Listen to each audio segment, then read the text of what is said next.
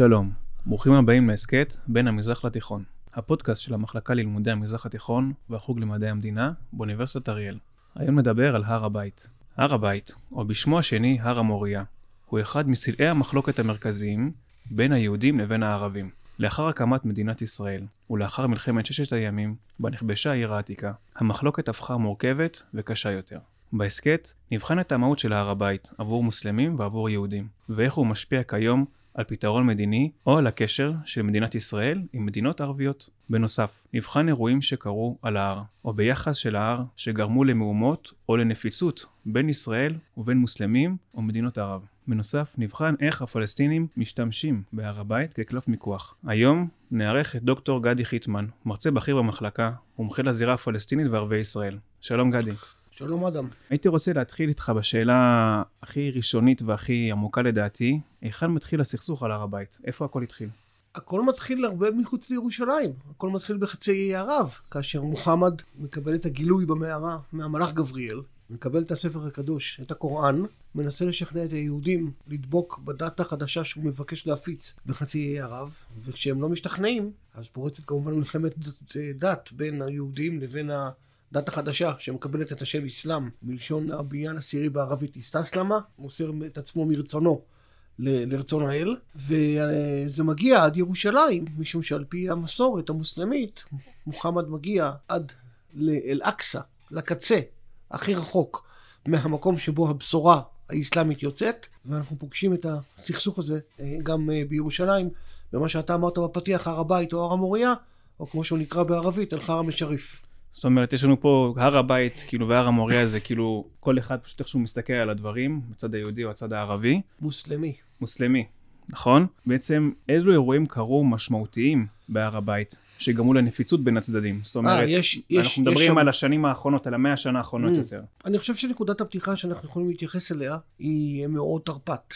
בעצם האירוע מתחיל שנה קודם, בערב אה, יום הכיפורים, כאשר יהודים אה, מגיעים אה, לרחבת הכותל להתפלל, ומוסלמים מונעים מהם את האפשרות הזאת, ואז אנשי המנדט הבריטי מתערבים וחוצצים בין הצדדים, אבל לאורך כל השנה יש מתיחות בירושלים על רקע דתי בין מוסלמים לבין יהודים בסוגיות של עלייה להר הבית כן או לא של יהודים, שזה כבר עניין הלכתי של הצד היהודי שלא נעסוק בו היום, לבין המוסלמים. והשיא כמובן הוא ב-1929 בפרעות שהיו אה, לא רק בירושלים, גם בערים אחרות שבהם גרו יהודים אה, בארץ ישראל. אחרי מלחמת ששת הימים, כמובן כל העניין מקבל שינוי מסדר גודל מאוד מאוד אה, גדול בעניין של שליטה ישראלית עכשיו בירושלים, גם המזרחית, כולל בכניסות להר הבית, ולמרות ההסכמה הישראלית מרצון לאפשר לירדנים להמשיך לנהל את העניינים בהר הבית, במתחם עצמו, באמצעות הוואקף הירדני, אנחנו חווים לא מעט אירועים אלימים בהר וסביבתו. למשל, אפשר להזכיר פה אה, כמובן את הניסיון של דניס רואן ב-1969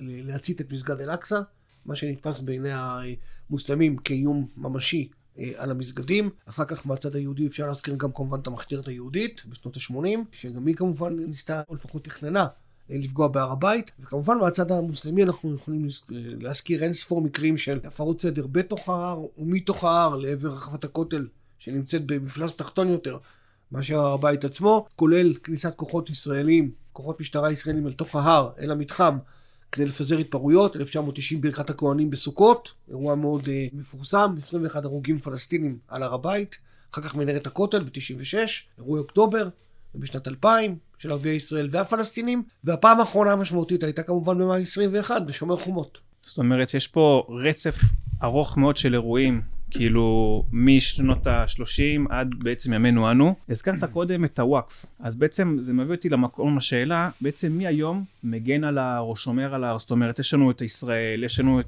שבעצם זה חלק מהמדינה, ויש לנו גם את ירדן, ויש גם את הפלסטינים.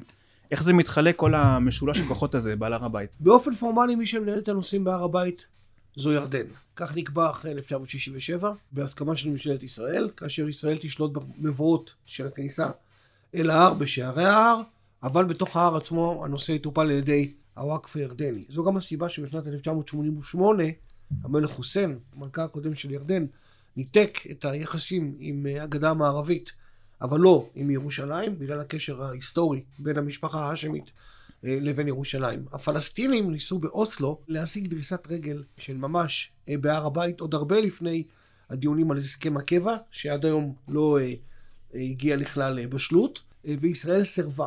אז באופן פורמלי מדובר בוואקף הירדני, אבל באופן מעשי אנחנו יודעים שבמתחם ההר נמצאים גם אנשי ביטחון ירדנים, או שומרים מטעם הוואקף, גם אנשי ביטחון פלסטינים וגם אה, וגם נוכחות ישראלית באמצעות נקודת משטרה ישראלית בתוך הר הבית. עכשיו, זה, זה ממשק הדין, הוא מסובך ומורכב, ולא תמיד אה, שלושת הצדדים רואים עין בעין, אבל בסך הכל יש ניסיונות להידבר כדי לצמצם ברוב הזמן את המתיחות, כי גם לרשות הפלסטינית אין עניין שיהיה, שיהיו מהומות בהר הבית, וגם לירדן אין עניין בזה, וגם לישראל אין עניין בזה. אבל לא תמיד שלושת הגורמים האלה שולטים במה שקורה בתוך ההר, כי יש גם גורמי שטח כמו חמאס וחיזבאללה תחריר ואחרים, שיש להם עניין כן ללבות את האווירה, כולל גורמים מקרב ערביי ישראל, ולכן התוצאה בסופו של דבר היא, שכמו שאמרת ואמרת נכון, אנחנו נמצאים במין איזושהי סדרה של אירועים מסלימים ונרגעים כבר קרוב למאה שנה.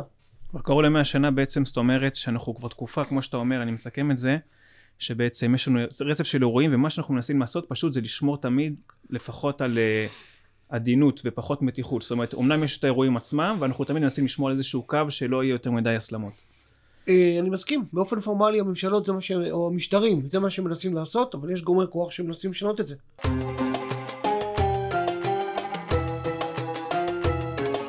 הזכרת פה גם את הסוגיה הפלסטינית, איך הם משתמשים בעצם בהר הבית לצרכים שלהם, לאינטרסים שלהם. זה מאוד פשוט, הפלסטינים מנצלים את הר הבית באופן קבוע בכל פעם שיש מתיחות בהר הבית, ואו החלטה ישראלית חד צדדית שפוגעת בזכויות המוסלמים בהר הבית, למשל סגירת ההר, או הצבת מגנומטרים כמו שהיה ב-2017, הם מנצלים את זה פוליטית והסברתית כדי לנסות ולגייס את העולם המוסלמי והערבי לטובתם, כדי להגיד או לטעון אה, בצדק או לא בצדק, כל אחד אה, מנקודת מבטו, שישראל בעצם פוגעת לא רק בזכויות המוסלמים, אלא פוגעת גם במסגדים שעל הר הבית. אני חייב לומר, בראייה היסטורית של נניח שלושה עשורים מאז הסכמי אוסלו, כי אנחנו מקליטים בתחילת 2023 את הפודקאסט הזה, שבסך הכל הפלסטינים לא הצליחו. זאת אומרת, אנחנו יכולים באמת לראות לאורך השנים, מעבר להצהרות הזדהות או תמיכה, שהם לטעמי בבחינת מס שפתיים של העולם הערבי, לא ראינו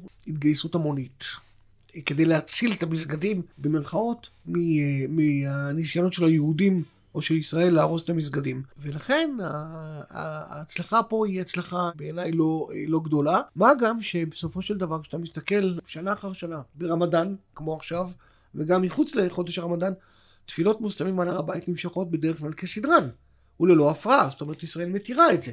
כאשר אנחנו נוקטים צעד חד צדדי, ברוב המקרים הוא נעשה מסיבות ביטחוניות שהפלסטינים לא מקבלים, ולכן הם מנסים לצעוק את צעקתם בעולם, ושוב אני אומר לטעמי לא בהצלחה. אז בעצם, כמו שהזכרת קודם, יש לנו את המדינות הערביות שגם מסתכלות על הסיפור הזה והפלסטינים מנסים להשיג את הלגיטימציה ברמה כזו או אחרת במדינות הערביות. איך בעצם אותן מדינות ערביות תופסות את ירדן, כי הרי כמו שדיברנו קודם, ירדן היא פורמלית האחראית על הר הבית. איך המדינות הערביות תופסות את ירדן? הן תופסות את ירדן כאחראית על הר הבית, הן מצפות מישראל לא לפגוע בסטטוס קוו בהר הבית, במובן הזה שהוא ירע את הזכויות של המוסלמים בהר ואו יפגע במסגדים שנמצאים על ההר ונדמה לי אדם שההוכחה הטובה ביותר למה שאני אומר היא מה שאנחנו רואים בעצם מ-2020 ואילך. זאת אומרת יש לנו שורה לא קטנה של מדינות ערביות שחתמו על הסכמי שלום או נורמליזציה עם ישראל למרות שהר הבית הוא, נפיץ ולמרות שיש בו מתיחות קבועה ולמרות שהפלסטינים טוענים את טענותיהם ולמרות שהירדנים מנהלים את העניין עם עליות וירידות ביחסים עם ישראל גם בחריין וגם איחוד האמירויות וגם מרוקו וגם סודאן עלו על העגלה הזאת של הסכמים מדיניים עם ישראל, מצרים, ירדן היו קודם כמובן, והעסק הזה פחות או יותר אה, אה, בעניין הזה המדיני הוא, הוא די התייצב. תראה, זה ברור שלכל מדינה בעולם הערבי יש אינטרס בהר הבית, או עניין, נגיד כך, בהר הבית, אבל אני לא הייתי אומר שבמדינות שנקבתי קודם בשמן, וגם לא במדינות ערביות אחרות שלא נמצאות איתנו ביחסי נורמליזציה או שלום, אני לא הייתי אומר שהר הבית הוא הנושא המרכזי במיפוי האינטרסים של כל אותה מדינה, נגיד אלג'יר, או נגיד לוב, או נגיד תימן, או סוריה, כל מדינה כזו עסוקה בעניינים הפנימיים שלה, וכאשר יש אירוע בהר הבית, בין אם זה ירדן, או בין אם זה ישראל, ובין אם זה פלסטינים, אז כל מדינה כזאת, או לא כל מדינה כזאת, חלקן משחרר איזושהי הצהרה בנושא הר הבית, ופחות או יותר בזה זה נגמר.